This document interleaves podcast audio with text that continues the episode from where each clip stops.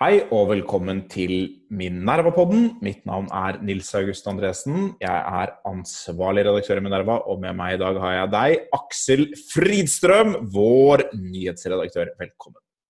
Takk for det. Det var hyggelig om du kunne ha liksom trommevirvler og sånn. Ja, da får vi, da får vi nok få litt, eh, litt mer avansert utstyr, så skal vi komme til tromme, trommevirvler også. Jeg tror kanskje det letteste faktisk per i dag er å kjøpe inn en tromme og så spille på den.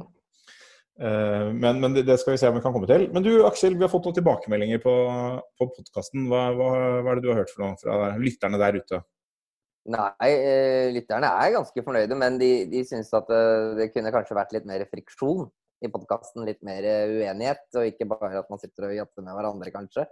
Og, ja. at, og at vi kanskje kunne hatt noen gjester, f.eks. fra tid til annen. da. Ja, altså vi her i podcasten, Dette er en konservativ podkast, så vi, vi er litt sånn som forandre for å bevare, eller, eller ikke forandre, eh, ofte. Så, så det å liksom innføre gjester, det syns jeg høres veldig veldig radikalt ut. Og det er klart at vi har, vi setter en kommisjon som skal utrede det spørsmålet og sånn. Og vi hadde faktisk en gjest her forrige uke også. Vi hadde podkast med Asle Toje om, om boken hans.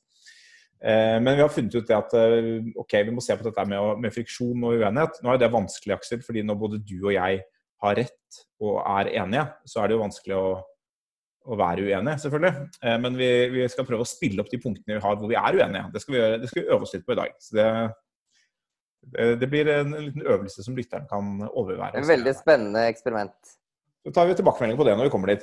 Du Aksel, vi, vi, skal gå i gang. og Vi, vi har tre saker på blokka i dag. Eh, Og i dag er det bare én av de tre som handler om USA. De to andre handler rett og slett om ting som har skjedd her hjemme på berget. Og vi skal begynne med en sak om eh, ukultur i Unge Høyre, en påstand om ukultur i Unge Høyre, som eh, to av våre journalister har, har jobbet med i, i lang tid, og som vi har publisert denne uken. Eh, og den saken, Jeg kan jo gå litt gjennom hva den handler om. Det handler om at nyvalgt leder og nestleder i Unge Høyre har vært, inn, vært involvert i et varsel. og så er et, et varsel, hva, hva er nå det? Det, det kan, kan det skrives doktoravhandlinger om. men det er da noen som har uttrykt bekymring for at det er en ukultur knyttet til bl.a. til disse to, som handler om en sexkultur, eh, som betyr, ikke, betyr, ikke betyr overgrep, eh, men som betyr en seksualisert omgangsform, som, som en del medlemmer har opplevd som ubehagelig. En alkoholkultur med, med mye alkohol, drikkepress, eh, krevende kanskje for medlemmer som er under 18 år, osv. Eh, og liksom klikkdannelser og, og, og så videre og så. Dette er en, en sak. Og så, så har vi laget, skrevet en sak om dette her. Uh, og noe av utgangspunktet for denne saken, for at, for at uh, det er blitt en sak, at det er noe man har valgt å omtale, det er at Unge Høyre hadde jo, erkjente jo, uh, mente selv, at man hadde et kulturproblem i kjølvannet av Tone Grise-saken som sprakk i januar 2018. Eh, hvor man fant ut at man hadde det man selv kalte en sexkultur, en alkoholkultur, og en, eh, en kultur med klikkdannelser i ledelsen, gjorde, gjorde at den type saker, som Tony Grise-saken, kunne skje. Fordi det var mye alkohol, det var seksualisert omgangsformer, eh, og det var vanskelig å si fra. Så, så denne saken vi avdekket, det er jo ikke da en Tonje Grise-sak, men det er en sak om den type kultur som både gjorde dette mulig. Eh, og det, det har vi skrevet en sak om. og da er det jo liksom litt ulike reaksjoner på det. For det er noen som syns at dette er en veldig stor avsløring av veldig alvorlige forhold, som liksom må få, få konsekvenser, og noen må rydde opp osv. Og, videre. og så er det noen som mener eh, ungdom er ungdom. What you gonna do? Uh, vi tenkte å snakke litt om det, Aksel. Og du er litt, grann, er, du er litt i denne ungdom er ungdom-leiren, er du det? Ja, jeg vil si det. Altså, vil si at dette er jo en sak som dere Den har jo dere arbeidet med si, uten at jeg har vært, vært involvert også. Ja, jeg kan, kan, du, kan, du jo si dette, jeg kan, kan du si dette til lytterne, Aksel? Fordi dette er jo litt grann sånn på Minervas VG, altså Bar Vulkan-saken. Hva var det som gikk galt i Bar Vulkan-saken? Jo, det var jo at nyhetsredaktøren var på ferie da, da saken kom. ikke sant? Sånn at det var ansvarlig redaktør som satt der og skulle passe på disse journalistene. Og det måtte gå galt, og det gikk galt. Og Sånn var det litt om denne saken her også, fordi det var noen av våre journalister som eh, var der ute og hadde litt følere blant, blant folket. Eh, og så var du på ferie, Aksel. Og så kom journalistene til meg og så sa de du må liksom eh, være med på dette her fordi Aksel er på ferie. Og da gikk det jo som det måtte gå, liksom. Da ble det sånn Det er noen skandaler i partiet. Jeg tror ikke det dere har eh, gjort er en plunder på linje med, med Bar Vulkan-saken. Det må jeg nok kanskje si. Men det er. Ja. det som er, det som er min eh, liksom sånn Hvis man skal problematisere denne saken, som jeg mener det kan være grunn til å gjøre, er jo at eh, jeg synes den viktigste innfallsvinkelen er sånn, hvilke forventninger er det liksom rimelig å ha til veldig unge mennesker i en, i en, i en ungdomsorganisasjon som, som Unge Høyre. Og jeg tror nok at det nok er riktig, liksom. At det nok er litt ukultur. At mange av de som får disse vervene, de gjør en del ting som de antagelig overhodet ikke burde gjøre, liksom. Men jeg tror at det til en viss grad så er det egentlig ganske normalt, på sett og vis. Altså de, de, de fortsetter å være ungdommer også når de liksom er meldt inn i, i, i en sånn organisasjon, også når de liksom får, får denne type verv. Og, og de kommer nok til å gjøre en del feil, da. Så, og det har de nok sikkert, sikkert også gjort, men jeg vet ikke, altså jeg er ikke blant de som syns at disse tingene liksom, det, er, det, er, ikke- det mest alvorlige jeg har hørt om, da, for å si det sånn. Nei, Så det er liksom min, eh, min, min ja. Og og man, når man snakker med voksne politikere som har vært med ungdomspartiene tidligere, så vil jo mange si, ikke spesifikt i denne saken kanskje, men, men sånn generelt, at ting var verre før. Altså at det var mer alkohol, mer sex, dårligere Ikke at sex alltid er dårlig, men altså mer eh, Flere overtramp, kanskje. Eh, dårligere rolleforståelse. Eller enda dårligere rolleforståelse. Eh, videre. og, og jeg er ikke uenig i at ungdom er ungdom, og jeg er ikke uenig i at man eh, ikke kan forvente all verden heller. En av mine maksimer er at man må ikke forvente noe så mye av, av folk. Da blir man, da blir man skuffet. Eh, men men selv om disse, altså det er jo ledere i ungdomsinstitusjonene vi snakker om, og selv om de institusjonene er ungdom, altså de er jo teknisk sett voksne, eh, rundt 20 år og litt over det, Eh, men de, de andre medlemmene som de leder, de er jo enda yngre eh, og enda mye mer sårbare i en. Ikke sant? Fordi er, det er det som gjør ungdomspartiene til en veldig komplisert type organisasjon. Som på den ene side liksom skal være et sosialt sted for en 16-åring som, som har lyst til å komme ut i livet. Og kanskje har lyst til å, å oppsøke voksensfæren, kanskje drikke, kanskje ha sex, den type ting. På den ene side er det det. På den annen side er det et politisk parti der lederne kan ha en ganske høy status, og også være ganske nær faktiske og reelle maktposisjoner. Altså Det hentes jo jevnlig personer fra led ledersjiktet i ungdomspartiene inn som rådgivere på Stortinget, rådgivere i regjeringen. Til og med statssekretær i regjeringen har vi, har vi en del eksempler på de siste ikke så mye under Erna Solberg, men under, eh, i hvert fall under eh, Stoltenberg så var det en statssekretær som kom fra ungdomspartiene. Og, eh, og da er jo det på en måte ikke riktig å behandle dem heller bare som ungdom. Eller i hvert fall, Du må være litt forsiktig med å gjøre det. Og, og, se, og selv om det i en viss forstand er rimelig å tenke at de som privatpersoner og enkeltpersoner oppfører seg som ungdom, så er, må man da finne ut hva slags strukturer skal man ha i en sånn organisasjon for at de som er enda yngre og kanskje mer sårbare, blir ivaretatt ordentlig. Og Det er jo, av, det er jo noe av det som har gått galt flere ganger, og, og sikkert eh, enda mye mer før. Det er noe som lå under Giske-saken eh, opprinnelig. Som jo, mye av ukulturen strekker seg tilbake til AUF-tiden. Eh, og, noe av det som lå under Tonning Riise-saken også. Så, så selv om man kanskje man kunne måte si vi kan ikke forvente oss noe bedre, men, men eh, Høyre, Unge Høyre selv har jo sagt at dette skal man rydde opp i. Og det har man jo da ikke klart, eh, vi mener de som har snakket med Minerva i denne saken. Ja, men det kommer jo litt an på også, at det er jo eh, Altså når er Si at det kommer inn et, et varsel mot noen, ikke sant. Eh, og denne personen må da bli konfrontert med hva er det som står i dette varselet. Og så kan jo ulike mennesker har ulik fortolkning av når eventuelt en sånn situasjon er løst.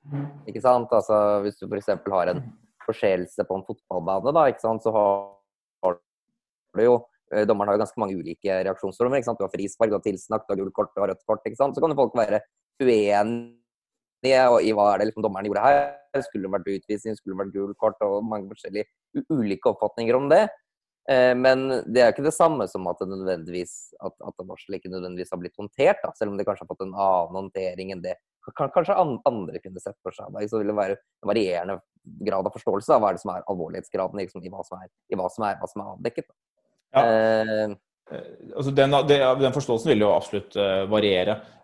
og Vi har ikke fullt innsikt i det heller, fordi, full innsikt i det, fordi Unge, unge Høyre har ikke svart konkret på hva slags håndtering dette har fått. men det, altså, Til grunn for saken så ligger jo ikke bare varselet, men også en rekke kilder som har snakket med, med Minerva. Eh, som jo beskriver at dette har vært en situasjon over tid som, som ikke, ikke, er blitt løst. Og Det andre aspektet som både gjør saken interessant, er at det har vært et ledervalg. Dette er jo ikke en sak som går direkte inn i ledervalget, den er publisert lenge etter ledervalget. Men, men uh, da er det et spørsmål hvem visste hva når folk ble valgt. For En ting er å si at saken er håndtert, men noe annet er å spørre hvem burde få lov til å vite hva, hva slags informasjon som, som finnes. Da. Uh, og så kan man jo si at de som er med i partiet, vil jo ofte kjenne situasjonen. Og, no, i noen grad er det riktig, i hvert fall de som har vært i de partilagene som har vært berørt. Eh, og kanskje noen av de andre. Eh, mens mange ikke vil kjenne det. Og, men jeg tror noe av det som ligger under denne type saker også, er jo at den type kultur som avdekkes her, og for så vidt i noen grad som et bakteppe for Tonje Grise-saken og, og, andre saker også, det er en type kultur som man godt kan se for seg at et flertall av medlemmene egentlig uh, syns er OK. Og det er jo litt den på å la ungdom være ungdom-situasjonen. Uh, det er ganske mange av dem som trives med, med dette, kanskje. Altså, jeg, jeg, skal ikke snakke for, for, dem, men jeg kan se for meg at det er sånn. Mens det er et, eh, et ganske stort mindretall kanskje som ikke trives med det. Uh, og det er litt, litt sånn, type, sånn, type, situasjon som har vært uh, viktig for hele sånn metoo-bevegelsen. Uh, hvor det har vært en rekke sånn atferdstyper si, at typer for, for, omgang mellom eldre menn og yngre kvinner liksom, som, som, man har sagt at dette er OK. Mange har syntes det har vært OK. Og så viser det seg at det har hele tiden vært masse mennesker som ikke syns at det er OK, men de har liksom ikke blitt hørt. Og de har kanskje også blitt sjaltet ut og silt ut på veien til de posisjonene hvor de kunne sagt fra. Og det tror jeg skjer litt i partiene også, at de som, altså de som ikke trives i partikulturen, de, de blir jo ikke med videre til topps. Så, så, de som har gått hele skolen, de vil jo si at dette er sånn det er, og er ikke det egentlig greit, da? Jo, ja. altså jeg tenker Det er viktig å ha med seg eh, en ting som jeg mener liksom, eh, også til, til forsvar for deres, deres sak, da, som jeg kan ta med. at eh, det, det sies jo ofte at det var verre før. Det var det jo antagelig også. Men en ting som har eh, nok har skjedd i mange av disse ungdomspartiene, er at det, det har vært en forskyvning i hvilke aldersgrupper eh, som deltar. Så man snakker om at det var verre før. Det var mye verre på 80-tallet f.eks. eller 90-tallet. eller hvordan det var. Men da var nok også medlemmene som var der generelt egentlig ganske mye eldre. Mm. Eh, og da er det nok heller ikke så problematisk at det er litt sånn uh, fyllekultur og den type ting. Men når medlemsmassen blir yngre, så er veldig mange medlemmer som er 16-15-14 år, så blir det, eh, selv om egentlig man kanskje har tatt seg sammen, at kulturen har blitt egentlig mye roligere, så mm. vil de problematiske aspektene ved kulturen kanskje være verre. da, ikke sant? Mm. Fordi at du har involvert veldig mange flere eh, yngre mennesker. Mm. Er, Men eh, så kan man diskutere er det, er det et problem på et individnivå. ikke sant? Altså Er det uten disse to-tre personene liksom, som uh, det her omtales i den saken uh, Hvis de bare var borte, så ville liksom det problemet forsvunnet. Det er liksom, jeg er ikke helt sikker på det. Jeg setter at det liksom er litt sånn et, en strukturelt problem da, i en organisasjon som liksom rekrutterer folk fra 15 til 30 år, Uh, som da har selvfølgelig er, er opptatt av, veld, av, veldig mange forskjellige ting og er i varierende grad usikre og sårbare mennesker. ikke sant? Jeg, jeg, tror du har mye rett i det. Nå, nå, skal vi prøve å ha friksjon her, Aksel, og ikke være så enige. Så jeg beklager at jeg innledet med å si at jeg tror du har mye rett i det. Men uh, jeg, jeg, tenker jo at det er et strukturelt problem med ungdomspartier som er vanskelig å løse. Og så er spørsmålet hva gjør man da? Altså, hva, er det egentlig fornuftig å ha organisasjoner der som er ledet og drevet uh, i så stor grad av ungdom selv, som både slåss om posisjoner, og skal finne seg selv og skal finne kjærligheten og, og den type ting, og skal drive politikk eh, samtidig og kan være ganske nær makten. Er det egentlig en, det en veldig god organisasjonsform? Eh, jeg heller mot å mene nei, men jeg kjenner at det er helt det, det har ikke så mye å si hva jeg mener. Det kommer til å være sånn uansett. Men spørsmålet er om man på en måte skulle fått enda bedre. Altså det var En av de tingene som kom frem etter Tonje Risaken, at man mente at man må få på plass bedre samarbeid mellom Høyre og Unge Høyre om Eh, hvordan problematiske ting håndteres og løses. Uh, og det kan hende man har, gjort noe på det, men jeg, jeg, tenker nok at det kan være en mye, en, en mye tydeligere tilstedeværelse av noen voksne uh, som på en eller annen måte gjør det enklere dels å sette grenser, men dels også å håndtere vanskelige ting når de dukker opp. Fordi, fordi jeg, jeg, tror ikke at man klarer å hindre at vanskelige ting dukker opp. Det er helt det, det, er vanskelig å se for seg, men, men, det er vel nok en tendens til at de ofte ikke blir håndtert så godt som de kanskje burde. Tror jeg. De ja, det, er nok, det, er nok helt klart at det, det, er ting i disse organisasjonene som kan gjøres ganske mye bedre. Altså det, det, er jo ikke jeg uenig i heller. Men jeg tror liksom det er, det er en spørsmål om virkelig, hvor store forventninger man også skal, liksom, skal, skal ha til dem da, for å ha liksom, plettfri sosial, sosial atferd. Plettfri atferd, det forventer ikke jeg heller, så da ble vi ene igjen, Aksel. Det var, eh, det var, trist. Men de som vil vite mer om denne saken, de kan gå og lese den eh, på, på Minerva. Eh, vi skal gå videre, men før vi går videre, Aksel, så skal vi snakke litt om, om penger og Minerva-podden. Fordi Minerva-podden er jo gratis å høre på, men den er jo ikke gratis å, å lage allikevel. Og derfor så tenkte vi kanskje at vi skulle be om en liten bitte, bitte liten slant fra, fra, våre lyttere. Jeg har laget et nytt finansieringssystem, eller et nytt uh, system for å si hvor mye penger folk skal gi. Tidligere så har jeg foreslått 99 kroner, men det er at det er mindre enn 100 kroner, men mer enn 98 kroner. Men eh, nå har jeg funnet et nytt system. Vil du høre, Aksel? Ja, det vil jeg høre. Ja, jeg tenker at vi bør eh, ta målet oss til å være som Voi, elsparkesykkelleverandøren Voi. Det må da være like bra å lytte til Minerva-podden som å kjøre Voi, mener jeg. Jeg mener det er to sammenlignbare produkter. Du er enig i det? Eh, jeg vil gjerne høre begrunnelsen først. Altså, de, de fyller forskjellige ulike formål, men begge deler er en reise. Ok, ja vel. Ja. Så, så, man kan ta en reise med Voi, eller man kan ta, ta en, en, åndelig og politisk reise med Minerva-podden. Og begge deler burde da koste 10 kroner i oppstartsgebyr, og så 2 kroner og 50 øre per minutt du lytter.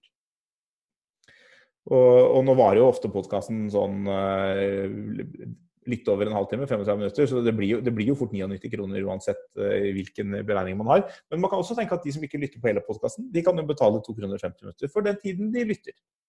Ja, men hva med de som allerede har skrudd av, da, før du forteller om dette 10, 10 kroners oppstart? Ja, det, det, det, det, er selvfølgelig et problem, Aksel. og Da må vi oppsøke folk individuelt hvis vi, hvis vi klarer å finne data og lokasjonsdata på alle som har lyttet, så kan vi oppsøke folk. Men, men det er ikke sikkert vi skal gjøre det. Jeg tror eh, enn så lenge enn så lenge så... jeg, jeg, tror ikke vi gjør det. jeg tror ikke vi gjør det. Uh, men i mellomtiden så går vi videre til neste sak, som også handler om, uh, om sketchy måter å utnytte elektroniske hjelpemidler på, bl.a. valgfusk. Du, for det er en av de store tingene borte i Uniten nå. Det er påstander om valgfusk. Og du har skrevet en sak om valgfusk. Hva har du skrevet for noe? Nei, jeg har skrevet det at uh, valgfusk i USA er både mulig og plausibelt. Altså, det er den ene, ene bestanddelen av, av, teksten. Den andre bestanddelen er at det neppe er mulig eller plausibelt i det omfanget som Donald Trump vil ha det til. Uh, for han snakker jo om en form for veldig sånn systemisk valgfusk. ikke sant? Altså Stolen election her har liksom fått rottet seg sammen for å rigge systemet mot han og den type ting. Og det mener jeg er, det er veldig lite plausibelt. Men det som er plausibelt, og som gjør at det kanskje den uh, uttalelsen til Trump det er en veldig effektiv løgn, om du vil kalle det det, er fordi at det også det ligger jo kanskje noe i det her som viser at det er en del ting som liksom er litt rart i det amerikanske valgsystemet. ikke sant? Altså F.eks. i i Michigan, da, hvor de har flere registrerte velgere for eksempel, enn det de har reelt sett befolkning som er over 18 år, da, som ville vært, liksom, vært, vært stemmeberettiget. Så de har jo eh, dårlige registre på hvem som har stemmerett, f.eks., som fører jo til at du kan få situasjoner hvor si, en død person stemmer, f.eks., for eksempel, fordi at liksom, noen har levert inn en stemme på vegne av sin avdøde onkel, altså den type ting. Eh, og så har du jo liksom det, det andre som jo litt av bakteppet i dette valget. At Det er jo en ekstrem polariserte debattklima i Amerika. Og så har de i tillegg også gjort endringer i, i ordningene sine i flere stater med veldig mange flere poststemmer etc., som jo eh, skaper i hvert fall et klima da, hvor det er ikke usannsynlig at det kanskje flere mennesker vil forsøke å jukse, kanskje lykkes å jukse. Men det vil jo da i så fall være eh, feil som begås på mer på et individnivå. da, ikke sant? Altså Det er en person som fyller ut en stemmeseddel han ikke skulle fått lov til å fylle ut. Og så er det funksjonæren oppdager ikke det, ikke sant.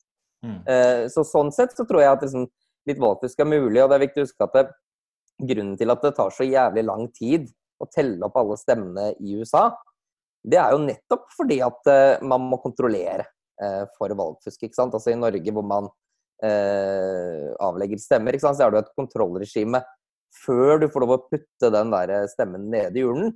som gjør at de som skal telle, de skal bare telle De skal ikke kontrollere om denne personen egentlig fins, eller om at det er gjort riktig og sånn. Mens i USA så er både tellingen og kontrolleringen i mange stater én prosess. Mm. Eh, og den prosessen tror jeg er mye mye dårligere enn det valgsystemet man har i Norge. og Derfor tror jeg også man kan fint finne ut at det har skjedd litt uh, uregelmessigheter, hvis man virkelig går dette i dybden. Jeg eh, skal jo da, Vi skal ha litt mer friksjon mellom oss, Aksel. Det er tilbakemeldingen fra, fra velgerne, fra lytterne. Så jeg skal da være litt uenig her. Eh, og det, det, er jeg også, så det passer fint. Eh, altså, det er jo ingen tvil om at valgfusk er mulig. Det er det jo i et, i system. Eh, men det er et par ting du da sa der som jeg gjerne griper litt fatt i. Altså, du sa at er, I Michigan så er det i registrene over hvem som har eh, fått eh, ballots, så er det døde mestere osv. Men eh, som du sa, de skal jo innom en funksjonær før de leverer stemmen. Og den funksjonæren skal jo sjekke personen opp mot eh, gyldige registre. Eh, og, og det gjøres jo. Og det, det har vært undersøkt. Så Republikanerne har spredt en liste med 14 000 navn som skulle være døde mennesker som har stemt. og det, det, Journalister har ettergått den, liksom, tatt et utvalg av disse navnene og sett på dem. og Da viser det seg at eh, det er ingen av de døde personene som har stemt. Og de som har stemt, de er ikke døde. Og liksom en del andre eh, sånne ting. Så disse tingene skal jo sjekkes mot registeret, og de telles, og det, det, går greit. Det som er grunnen til at det tar tid, som du sier, det er disse provisional ballots Altså folk som, at det er et eller annet feil. Da, de står ikke oppført i registeret, men de mener selv at de skal ha rett til å stemme. Og det må sjekkes ut manuelt om det er riktig, hva, hva som er riktig og hva som er feil. Det indikerer jo selvfølgelig også at det, det forekommer feil i, i registrene, og ting kan gå galt. Liksom. Så, og, og, da må de sjekke det opp, og det tar lang tid, og det er mye krongel og sånn. Men det, det, gjelder jo stort sett bare en bitte, bitte liten del av stemmene. Det er åpenbart at det amerikanske systemet er veldig mye dårligere enn det norske, fordi man må først registrere seg for å stemme. Mens i Norge er jo alle alle staten bestemmer. Per definisjon registrert. Ja. ja. du er per definisjon registrert hvis du er, er borger eller oppfyller kravene til å, til å, stemme. Eh, og alle nordmenn har gyldig ID. Det er også et problem i USA. Det er ikke alle som har gyldig ID. Det er et land hvor det går an å ikke ha det. Eh, så det er, det er en del sånne, eh, sånne, utfordringer der. Men grunnen til at jeg er kritisk til å kjøre denne valgfusk er mulig-saken altså I Norge så gjør det ikke noe, vi er ikke part i den her. Men det er, det er på nettopp det at det er så valgfusk er mulig. Det har det alltid vært. Eh, jeg tror ikke det er noe særlig som tyder på at valgfusk er eh, mer mulig eh, nå enn det har vært før. Altså, det er flere poststemmer. Jeg vet hvor mye lettere det er. Det er ikke veldig mye lettere å jukse med poststemmer, men, men, det har vært mulig å jukse med det også tidligere i så fall. Det har vært ganske mye poststemmer i mange delstater også tidligere. Så når det på en måte trekkes frem nå som en, en sak, så er det ikke fordi valgfusk er blitt mer utbredt eller lettere. Eh, men fordi det tjener en viss politisk agenda. Og det er ikke sånn, Man skal selvfølgelig alltid, eh, de, de rette instansene og myndighetene må jo undersøke eh, konkret og troverdig påstand om valgfusk. Men, men, mediene trenger ikke å, å undersøke enhver påstand om valgfusk eller hver mulighet, hver mulighet, for valgfusk som en sak som har betydning for valget. Eh, og Det er jo på en måte det som, som gjøres. Man ser jo på det, hvordan ganske mange folk hopper på det. Jeg, jeg merket meg en person som jeg iblant uh, har, har, likt, Majid Nawaz, en britisk uh, tidligere islamist som har blitt en, uh, konvertert til å bli en liberal forkjemper for sekulære verdier. var en stund hva skal man si, Storbritannias svar på Sylo Tarako. men han har, han har på mange måter kjøpt liksom, Trump-retorikken på dette feltet. Kanskje litt fordi han er så mistroisk til sånne liberale venstreeliter. Uh, og Hver gang det kommer en påstand om valgfusk, så sier han se, se her, er det ikke mistenkelig, er det ikke mistenkelig.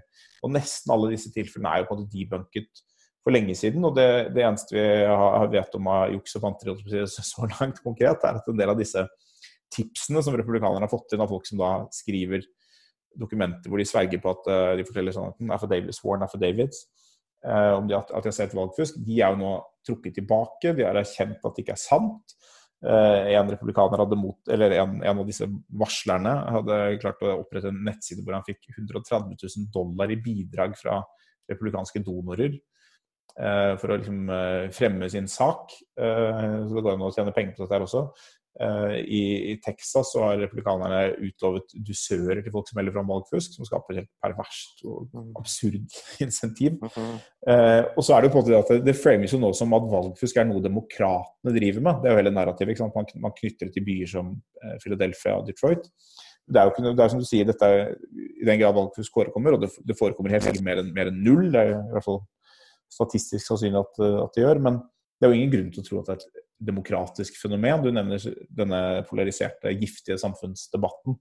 Uh, og den, er, den, går jo i hvert, som et minimum begge veier. Uh, og kanskje for tiden kan det se ut som det er vel så mye fusk og fanteri på, på, den republikanske siden. Så jeg, jeg er litt sånn kritisk til, til å drive valgfusk-narrativet som noe som er relevant for, for dette valget. Ja, altså jeg, ja, ja, altså det, det, altså jeg, det, er ikke noen grunn til å tro at liksom valgresultatet er gyldig. Altså jeg mener i hvert fall at det på ingen måte er dokumentert. Men jeg tror at det er, det er klokt å, å, å, gjøre veldig grundige undersøkelser av dette. Altså jeg er på generelt grunnlag veldig for å, for å undersøke ting. Og man kan jo se eh, Hvis du ser på denne eh, Russland-konspirasjonen liksom med, med, med, Trump, da, ikke sant? så der var det jo eh, veldig masse indisier liksom, rundt eh, Donald Trump og samarbeid med russiske myndigheter og liksom eh, Wikileaks og alt dette eh, greiene her, og Roger Stone og sånn. Som jo har ført til en veldig veldig, veldig, veldig, veldig, veldig, veldig, veldig grundig gjennomgang av Trump-administrasjonen sin valgkamp før han ble valgt, og hvilke liksom, relasjoner de har hatt og ikke har hatt liksom, til, til, til russisk etterretning. Eh, som jeg tror det er veldig bra at det blir undersøkt. Men det er jo ikke i de undersøkelsene så er det ikke liksom fremkommet uh, egentlig det, liksom, det, det, det, store narrativet, da, som liksom var at de liksom samarbeidet aktivt liksom, med russisk etterretning for å bli valgt. Altså, det er jo langt på vei egentlig bare tilbakevist. Men det er ikke noe i veien for å undersøke den type ting hvis du har veldig mange indisier som peker, peker i den retningen. Uh, både for å få bekreftet eller få avkreftet påstanden, tenker jeg da. Jeg vet ikke hva du synes om det? Synes det var jeg synes Sammenligningen treffer helt. altså Russlands-sammenligningen. Uh, altså, det, det, var en dårlig undersøkelse fra starten. for Det var satt opp for å finne kriminell atferd på et felt hvor det er lite, lite som egentlig om, rammes av straffeloven. Uh, så både at det var kontakter mellom, mellom russere og Trump-kampanjen, det er jo veldig godt dokumentert. Uh, det er bare at de ikke at, det, at, de ikke kunne finne at det var straffbart, men at det liksom var politisk svært betenkelig. Det er helt åpenbart. Utfordringen er jo at Trumps velgere da ikke lenger syns at det er uh, betenkelig. At man har hatt denne type bånd og, og, mottatt uh, liksom tips og informasjon fra russisk etterretning og, og Wikileaks og koordinert uh, i noen grad i hvert fall da, med, med dem. Så, så, det var jo ikke på den sånn, det var jo en sak som Eh, som enten var kriminelt eller ikke, eh, helt legit, plausibelt legitimt å mene at det hadde betydning for valget på et politisk plan, ikke nødvendigvis på et juridisk og legalt plan. Eh, mens påstanden om valgfusk er ikke av en art som altså Det, det fins ikke noe Det fins ingen eller noe, noe, troverdig evidens eller noen påstander som, som kan bygge opp under, under dette. det, det fins rett og slett ikke noe å gripe fatt i. Hvis du vil si vi tror at Biden fikk 60 000 stemmer færre i Pennsylvania enn, enn det som uh, resultatet viser, så har du ikke noe, du har ikke noe sted å gå. Du må bare si ja, det, det kan være massivt valgfusk. og Det, sånn, det vil jo alltid være sant. Sånn, eller det, det, sånn. Men hvis, du, hvis, det er så lett å si det, du kan si det uten evidens, så kan du si det ved ethvert valg. og Du kan si det nesten med enhver størrelse. Sånn, jeg tapte med 200 000 stemmer. Det kan være valgfusk. Sånn, ja, det kan jo det, men du må jo ha noe, du kan jo ikke bare si det. Det hjelper jo ikke. Nei, altså det er jo det er jeg helt enig i. Altså, det er jo vanskelig å være uenig i det. Eh, og det er jo eh, Trump er jo helt unik som sittende president som holder på med det som han nå eh, holder på med. Altså måten han forsøker å liksom undergrave legitimiteten i valgresultatet. Men det er jo viktig å skille litt det fra det at det kan være helt normalt i USA f.eks. å ha omtellinger og den type ting, og det bør man liksom uansett gjøre, da. Ikke sant? Hvis det er, eh, foreligger noen form for tvil.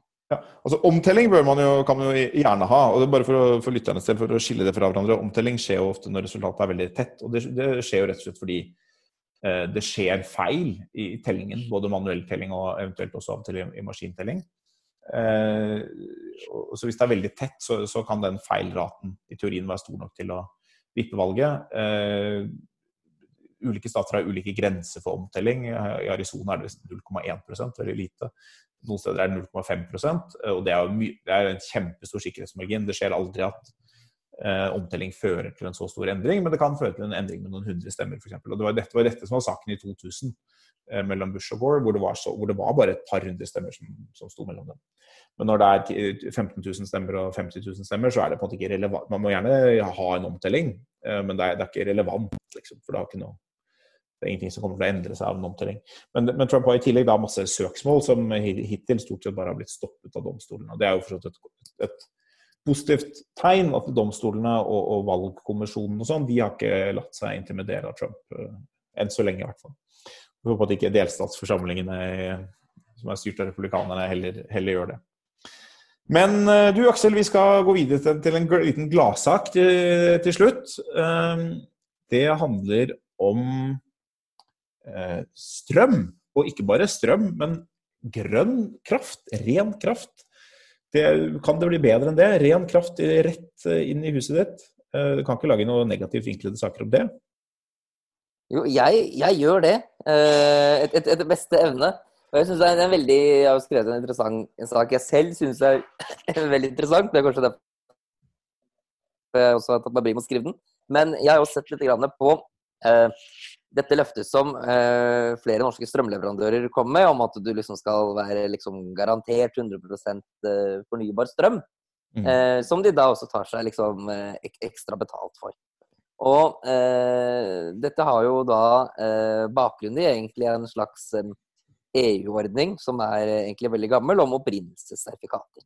Som innebærer jo da at eh, de som produserer strøm, kan utstede et sertifikat om eh, hvor strømmen kommer fra. Så du, du driver en vindmølle, et vannkraftverk eller kjernekraftverk, eller hva det er for noe, så kan du utstede et slikt sertifikat, og så kan folk få kjøpe det sertifikatet, som da er en bekreftelse på at det er produsert en gitt mengde energi. Da. Det er jo egentlig det det, det sier.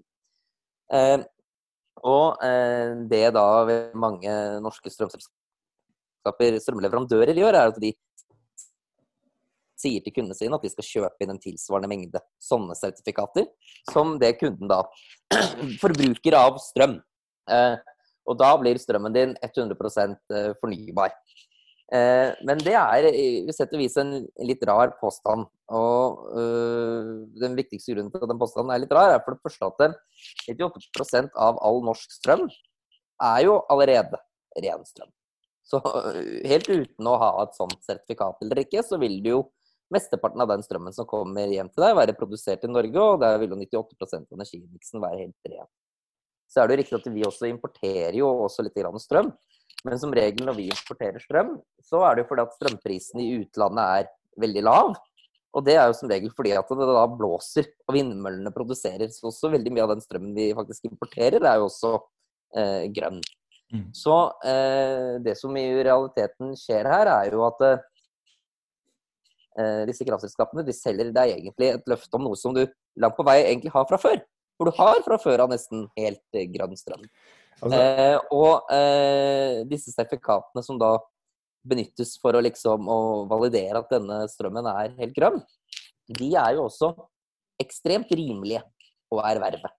Eh, av ganske naturlige årsaker, for det er jo veldig mange sånne eh, norske kraftselskaper som kan utstede massivt med sånne sertifikater, så de omsettes jo bare for en ja, 0,2-0,3 øre per kilowattime. Eh, men kraftselskapene videreselger jo dette som en tilleggstjeneste til kunden for, for nesten 700 kroner i året. Enkelte av dem. Og det betyr jo at de eh, som kjøper dette, de kjøper dette til en overpris som er ja, ganske ekstrem. Da. Altså, det koster egentlig bare kraftselskapene kanskje bare 50-60 kroner å erverve disse sertifikatene på vegne av et normalt kraftforbruk. Og så reselges det til opp mot 700 kroner. Så der har jo Eh, kraftselskapene satt seg i en situasjon hvor de virkelig kan skose da, på folks gode, gode intensjoner. Det du sier er at kraftselskapene oppfører seg som gode kapitalister, gode, gode samfunnsborgere, eh, og, og flår sine kunder det de er gode for? Ja, så kraftselskapene forsøker jo å maks maksimere profitt, og det er jo i og for seg greit nok, men det som er problemet i denne bransjen her, og dette eh, konkrete eksempelet, at det er veldig vanskelig for kunden å sette seg inn i hva er det de egentlig betaler for. altså Hva er det som egentlig er her? og Det gjør at man kan lage veldig mange eh, tilleggstjenester som ja. kunden kan se helt fint, men som egentlig ikke tilfører noe som helst verdi. Altså, jeg tror at uh, disse sertifikatene de har jo en slags funksjon. ikke sant? Hva er det de gjør? Det, det, er, det er, både nordmenn og utlendinger som kjøper disse sertifikatene. Og det de gjør, er jo egentlig at det er en form for eh, ekstrabetaling til europeiske produsenter av, av ren kraft. Uh, og det jo, kan jo mange steder være positivt, fordi produsentene da produserer mer ren kraft, eller starter med ny, ny, teknologi. Det blir mer lønnsomt med ny teknologi osv. Det blir lettere å få lønnsomhet i vindkraft og solkraft og liksom, alt sånt. Men eh, i Norge så har det ikke noe veldig funksjon, fordi kraften er, eh, er ren, og den renner når den renner. Og det, det, marginalkostnaden med å produsere kraft er, er, så å si null, så du har ikke noen insentiver til uh, om det koster tre øre mer eller ikke, så har det ikke så veldig mye å si for, for mengden produsert kraft. Men Norge er jo med på dette systemet, og når du betaler penger, så, så vil det ikke bli produsert noe mer norsk kraft, men kanskje blir det produsert noe mer grønn kraft i Romania, liksom. Det må være målet. Men jeg tror hvis man hadde solgt en sånn, så ville nok ikke nordmenn ha kjøpt disse opprinnelsesgarantiene. For det er ikke, det er jo som du sier, det er et misvisende navn. Det er jo ikke en, er ingen garanti for opprinnelsen fra din strøm, men det er, en, det er en subsidie til grønn kraftproduksjon et eller annet sted i Europa. Som kommer på toppen av en rekke andre virkemidler som har akkurat samme hensikt. Så, så, om det er noe effektivt og fornuftig system, det, det, det, er jo litt uklart. Men at det er ekstremt uryddig kommunisert, det er liksom helt åpenbart. Men det som gjør skandalen komplett, er jo det du på en måte sier. For én ting er at systemet eksisterer, det, det, må man liksom akseptere. Og kan man krangle om hvor, hvor, hvor, fornuftig eller hvor dumt det er. Men det at de tar seg så godt betalt i kombinasjon med en så uærlig eller så misvisende, lite fyllestgjørende informasjon om hva produktet egentlig er, det er jo på en måte det som er håpløst. Ja, og jeg tror at det også bidrar litt til å undergrave folks engasjement også for miljøet. da. Fordi at hvis du liksom hver gang når noen selskaper skal komme og si å, nå, her har du muligheten til å fatte liksom et ekstra miljøvennlig valg, og så er det egentlig nesten bare en ren pengeoverføring fra deg til strømleverandør, det er nesten det eneste som, som mm. ligger i det, mm. så vil jo folk Eh, møtte alle, Hvis folk erfarer at det er tilfellet, så ville folk møte alle mulige former for klimatiltak med, med, langt større skepsis. ikke sant? Så det er også en måte å, å, å, å undergrave et engasjement som ellers ville vært positivt på. Ja, og, og nå, nå, beklager jeg litt, fordi vi lovet at vi skulle ha en del friksjon uh, i sendingen her, uh, Aksel. Men Det klarte vi ikke. Uh, jeg, jeg, jeg, har forsøkt litt, men jeg klarer ikke helt å holde meg nå. Jeg må bare si at jeg, jeg, er veldig enig i det siste du sier der.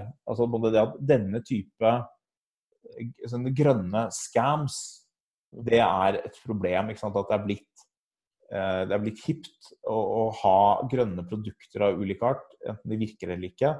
Og noen ganger, så, noen ganger, er det ting som virker, noen ganger er det ting som er gratis, og da er det jo greit. Men noen ganger så måte, lager man kostnader for forbrukerne som, eh, som, enten ikke har noen effekt, eh, eller som eh, av og til er skadelig, eller her som er på en måte sånn ekstremt komplisert eh, organisert, dårlig kommunisert og med en ekstrem overbetaling. altså Man bruker det bare som en profittstrategi, egentlig. Og Det bør noen slå ned på. Nå har i hvert fall Minerva tatt saken. Får vi se om det får, eh, får, litt politiske konsekvenser. Vi får se. Vi får se. Vi får se. Men eh, vi får ikke løst det, det noe mer nå. Vi, vi går mot, eh, mot, helg. Det er masse spennende saker å lese på Minerva. Det er fortsatt spennende i USA. Det er fortsatt uh, korona i verden. Er, ting er sånn omtrent som de har vært i, i 2020. Eh, men eh, her går vi inn for, for landing. Du vi minner om finansieringsmodellen vår. Hvis du har lyst til å gi oss penger, hvorfor ikke prøve å gange antall lyttede minutter med 2,50, legge til 10 kroner for oppstart, og vips, så har du vært med på en, en åndelig politisk reise like verdifull som en elsparkesykkeltur med leverandøren Voi elsparkesykkel. Ja. Takk for, takk og husk å sette podkasten pent fra deg når du er ferdig på, på reisen. Ja, det, det, er et veldig, veldig godt råd. Takk for i dag. Ha det godt. Adjø.